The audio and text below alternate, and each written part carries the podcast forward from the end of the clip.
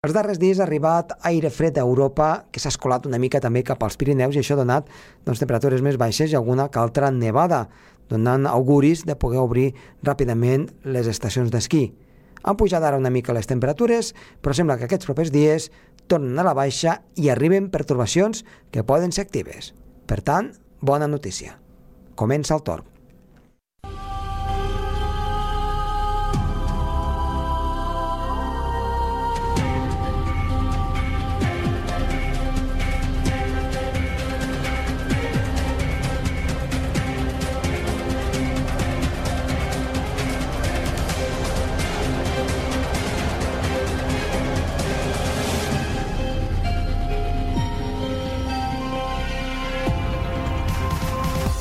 Molt bona tarda, moltes gràcies per escoltar-nos una vegada més des del seu transistor, al vehicle o des de qualsevol lloc del món per internet. Avui parlarem amb Roger Soler i també amb Gerard Tauler de nevades eh, de les darreres eh, dècades, podríem dir, a la zona de Catalunya i també del fred de l'hivern.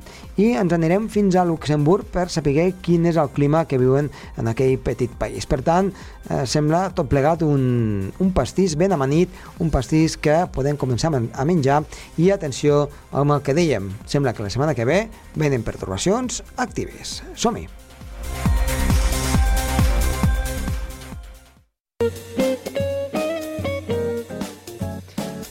Doncs tenim a l'altre costat del fil telefònic... Bé, no, ja, ja no hi ha fils telefònics, eh? eh Roger, bona tarda. Bona tarda. Ara, ara tot ha passat de ser analògic a ser digital. digital, eh? Ja va, ja va per l'aire. Com pot ser que la veu hagi per l'aire? És impossible això. Doncs sí, avui en dia anem així.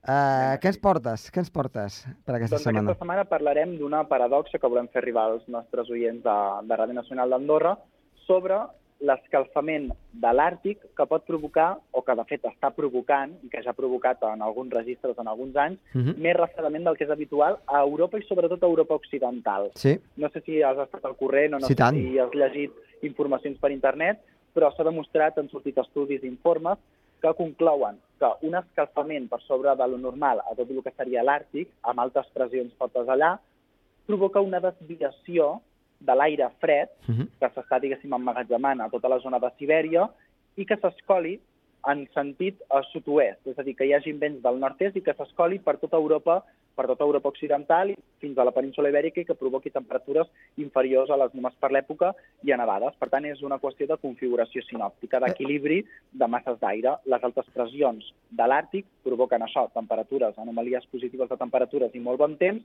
i amb vents del nord-est, la branca, diguéssim, lateral d'aquest anticicló provoca vents del nord-est que fan escolar l'aire fred des de Sibèria cap a tots els punts, molts punts d'Europa i, com dèiem, de la península ibèrica. S'ha produït aquest novembre. Aquest novembre, Josep, hi ha hagut una anomalia de 2,7 graus, mhm. positiva, eh?, a la sí, zona sí. de l'Àrtic, i això ha tingut la correlació amb una de les nevades més importants dels últims 70 anys a Estocolm, amb mig metre de neu molt prematura, molt precedent, en el mes de novembre. Uh mhm. -huh. Ja han vist imatges a les xarxes socials també a diferents mitjans de comunicació. I això també va passar el 2009, el 2010, el 2014, amb nevades a molts altres punts d'Europa i sobretot també aquí a la península Ibèrica, el 2009 a Catalunya va ser un any de nevada molt important, al març. Doncs va coincidir amb altres pressions molt fortes i amb anomalies positives tèrmiques a la zona de l'Àrtic. Per tant, la pregunta o la hipòtesi que ens fem a nivell científic és un escalfament més permanent o un escalfament per sobre la mitjana de la zona de l'Àrtic podria provocar un refredament a Europa i sobretot a Europa Occidental i a la península Ibèrica. Tu què creus? Home, de moment eh, eh, està nevant molt més del que és habitual a Sibèria. Eh, amb l'anticicló potent s'ha refredat moltíssim l'aire i ha estat bombejat diguem-ne, contracorrent, no? Eh, arribant a l'Europa més oriental i fent, diguem-ne, provocant aquestes nevades que, que, que hem vist tant a la zona de, dels països escandinaus com també a la zona dels Urals fins pràcticament arribar a Alemanya, Ucrània, per exemple, eh, mig país col·lapsat degut a, a aquestes eh, fortes nevades. Una cosa, doncs, que, com tu deies, no és, no és l'habitual en aquesta època de l'any. Crec que no, veurem, la, la correlació és... Està és evident, no?, la correlació. Total, i a més a més tenim, tenim niña. Per tant... Tenim niña, és a dir, i, i, i això també ho podem enllaçar amb el que dèiem fa una setmana del, del pronòstic dels francesos, que apuntaven un dels hiverns més durs Uh -huh. i més freds a Europa. Juntament aquest informe, juntament amb, amb la Niña, que és l'episodi al cap de 9-10 mesos posterior al Niño, Mhm. que correlacionaven amb un hivern més fred i amb més precipitacions de neu a tota la zona europea, i juntament amb aquest, diguéssim, aquesta anomalia tèrmica positiva a l'Àrtic, doncs tot això ens fa pensar, és un punt que ens fa pensar que puguem tenir un hivern força fred i potser amb nevades, no? Doncs sí, uh, tot Bueno, apunt... nevades, potser amb nevades eh, acabo de fer una, una obvietat molt gran, no? Sí, no? Perquè n- nevar segur que nevarà, però vo- volem dir amb nevades més... A zones més poc usuals. Sobre la mitjana, no? Exacte. Mhm. Doncs escolta, n'estarem molt atents, uh, continuarem seguint doncs, el tema aquest de, de l'Àrtic, a veure cap on ens porta aquí al, al nostre vell continent. Moltes gràcies, Roger. Perfecte, que vagi molt bé. Adéu-siau. Adéu.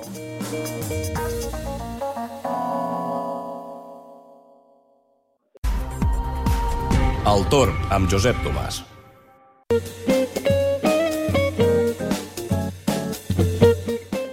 Doncs comencem el programa amb Gerard Tauler, que avui ens porta, com que ja hem tingut aquests dies una miqueta de fred i una mica de neu en alçada, doncs parlarem de les nevades, precisament. Gerard, molt bona tarda. Hola, molt bona tarda, Josep Tomàs. Doncs eh, aquesta setmana ens, ens vols parlar de nevades eh, de caire històric, no? històriques, eh, en aquest cas doncs, eh, al Pirineu i fora del Pirineu, doncs, eh, avesades cap a la Mediterrània, en aquest cas també cap a Catalunya, que crec que doncs, eh, tots els oients eh, ens recordarà alguna que altra que potser l'hem viscut o han sentit els seus avis o els seus pares que, que l'havien viscut. Doncs eh, explica'ns aquestes nevades històriques. Sí, la, la darrera gran nevada va ser la del 8 de març del 2010, que es van acumular cap a 45 centímetres a, al centre de la Costa Brava, cap a Calonja, a Palamós. Mhm. A Girona van caure doncs, uns 10 centímetres al centre, 18 a la vall de Sant Daniel i 25 a Fornells de la Selva. Va ser una nevada intensa amb una borrasca que estava centrada molt a prop de Catalunya i que va estar ben pronosticada pels meteoròlegs. Mm -hmm. Vaja. Una, la, la nevada més forta per això a la Costa Brava va ser el 25 de gener del 1947, que van caure 175 centímetres a Palamós i 85 centímetres a la Bisbal d'Empordà, que està ja una mica més a l'interior, ja no toca el mar. I a Girona van caure 20 centímetres, però es van acumular congestes d'un metre. Mm -hmm. I nevades al Pirineu, doncs tenim la nevada de, de, de l'any 2013, sembla, si, si em corregeixes, que, que, Sí, exacte, 2013, correcte?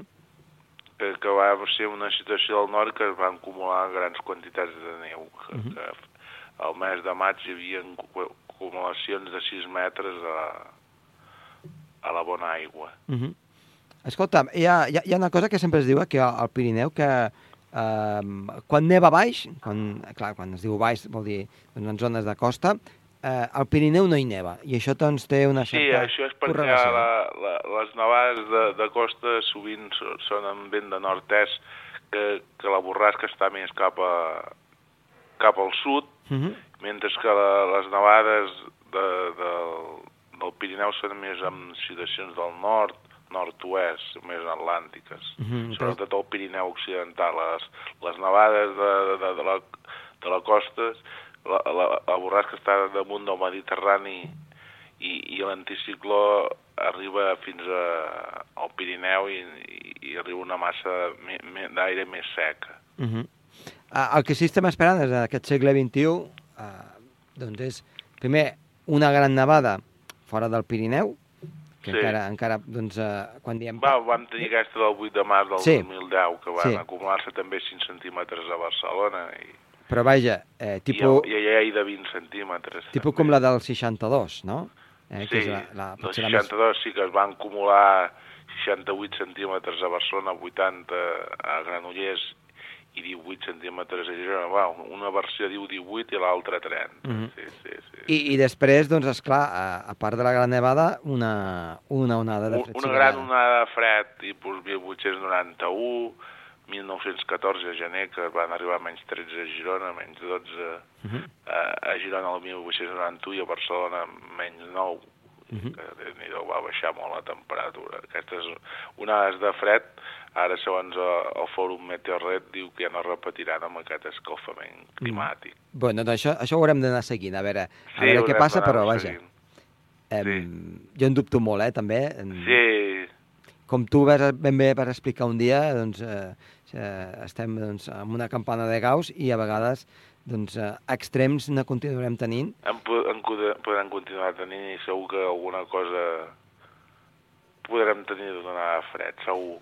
Doncs Gerard... Ja fa anys que no en tenim, des del febrer del 2012 sí? que no tenim una fred realment intens. Uh -huh. Doncs esperem a veure què divers si ens porta primer força neu i després eh, alguna d'aquestes... Ah, exacte, així la podem, la podem eh, gaudir una mica. Eh, Gerard, moltes gràcies i t'esperem la setmana vinent. Molt bé, Josep Tomàs. Adéu-siau. Vinga, adéu. Adéu.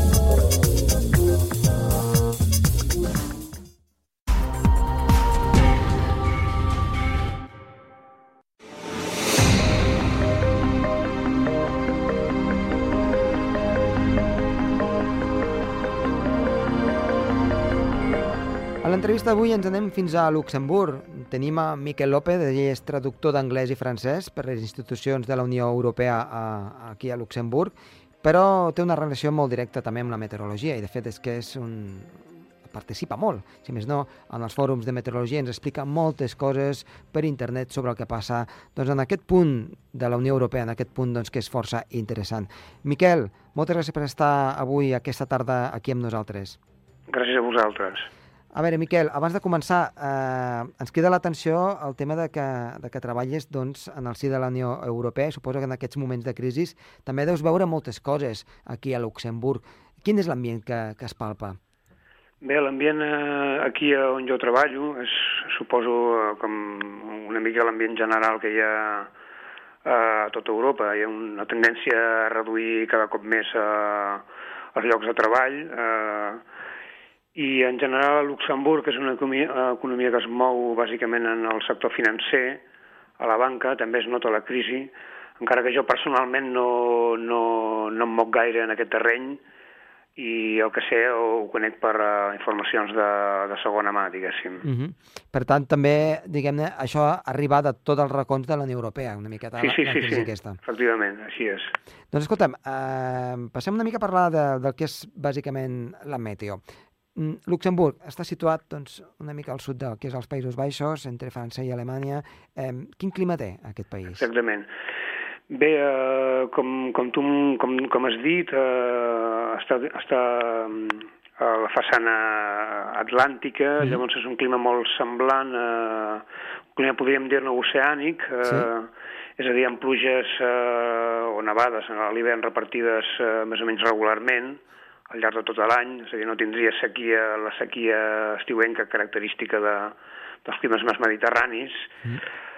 Uh, L'únic que passa que a diferència, per exemple, de, de llocs més costaners o més propers a la costa, com seria Brussel·les o, o Londres o París, uh, en estar una mica més cap a l'interior, cap a Alemanya, té trets ja de, de clima més continental. És a dir, que, que a l'hivern uh, les freudorades que arriben de, de l'interior del continent, o les nevades de, de, en situacions de nord, uh -huh. que arriben del mar del nord, ens afecten més que, per exemple, a Brussel·les o, o a Londres, no? per, per citar dos punts típics de, uh -huh.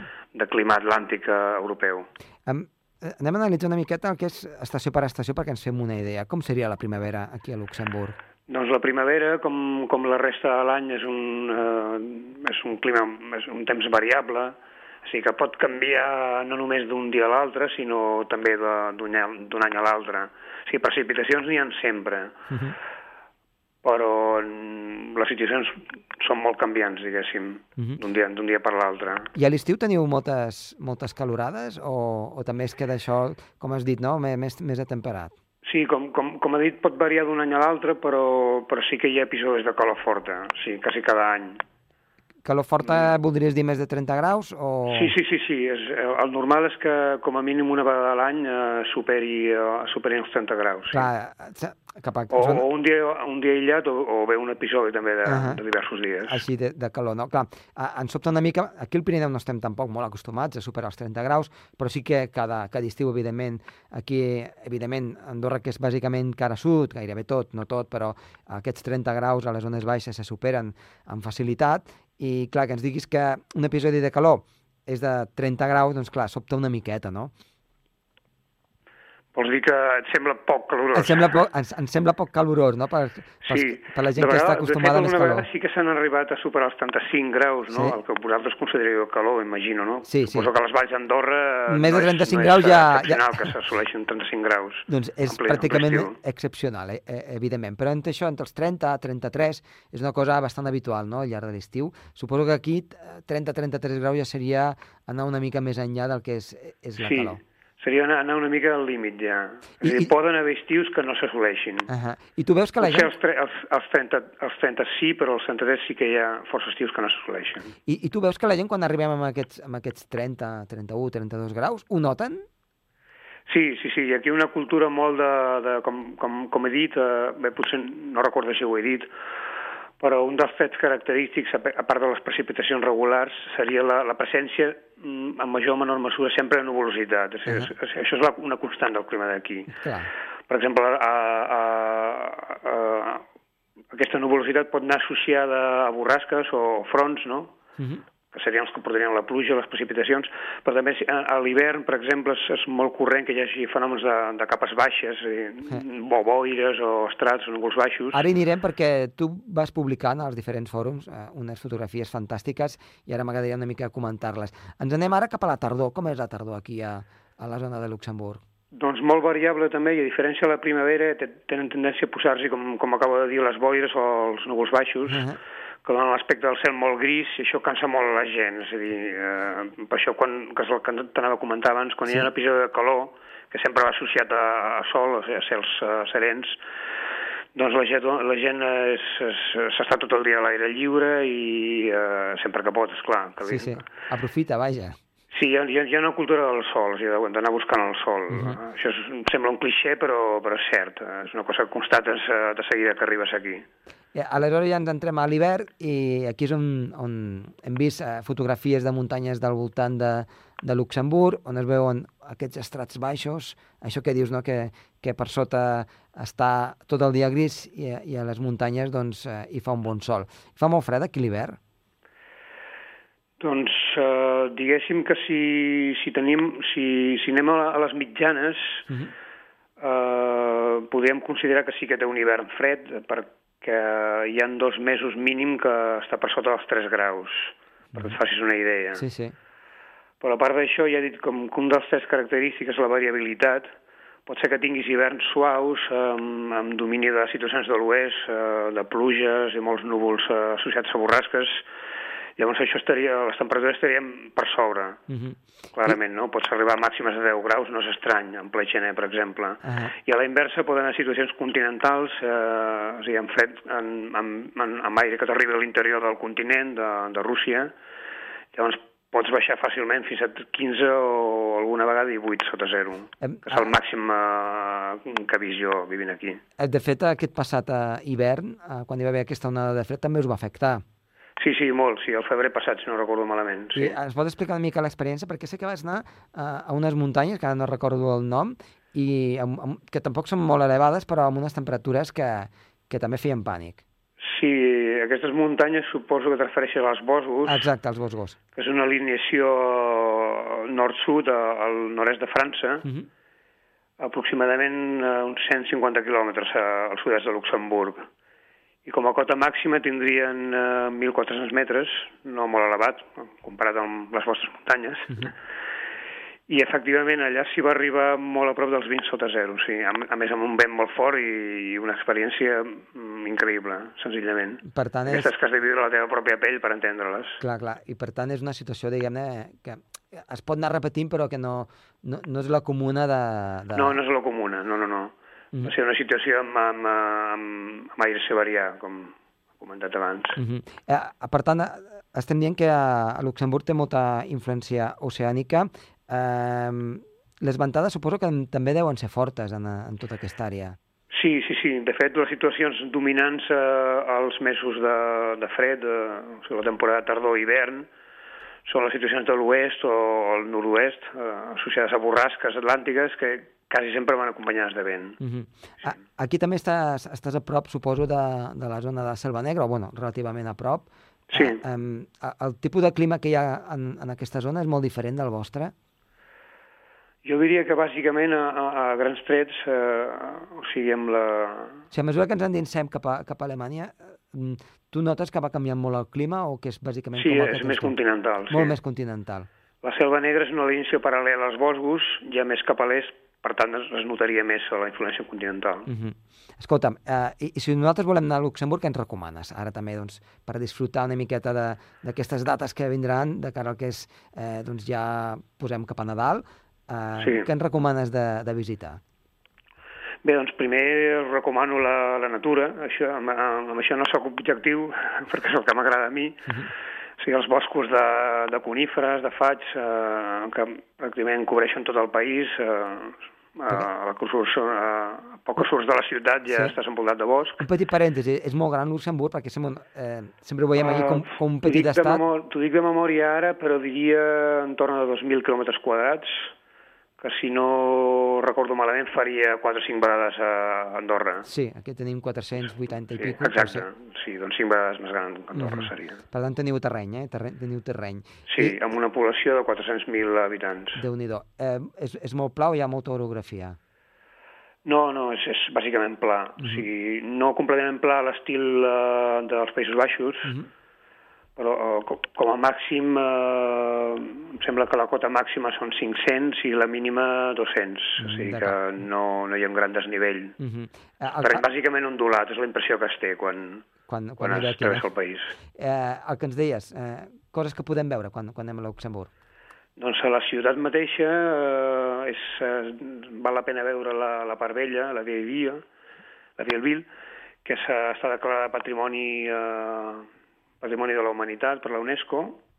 Són fortificacions eh, construïdes pels diferents eh, ocupants de, del territori, prussians, eh, austríacs, francesos, fins i tot espanyols, si no recordo malament, a l'època de, de Felip II, de l'ocupació de Flandes i, i tot, el, tot, el, tot el que seria Benelux avui dia. Uh -huh.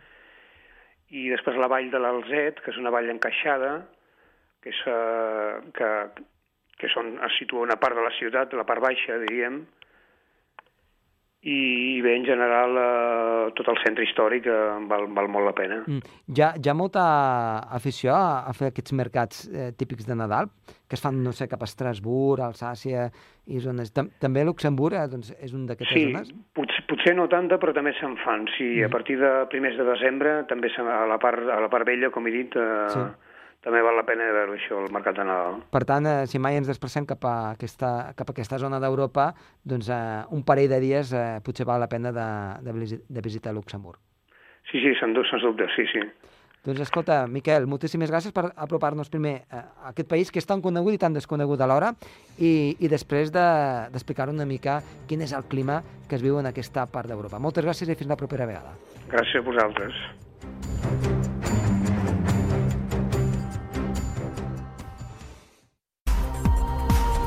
El Torn, amb Josep Tomàs.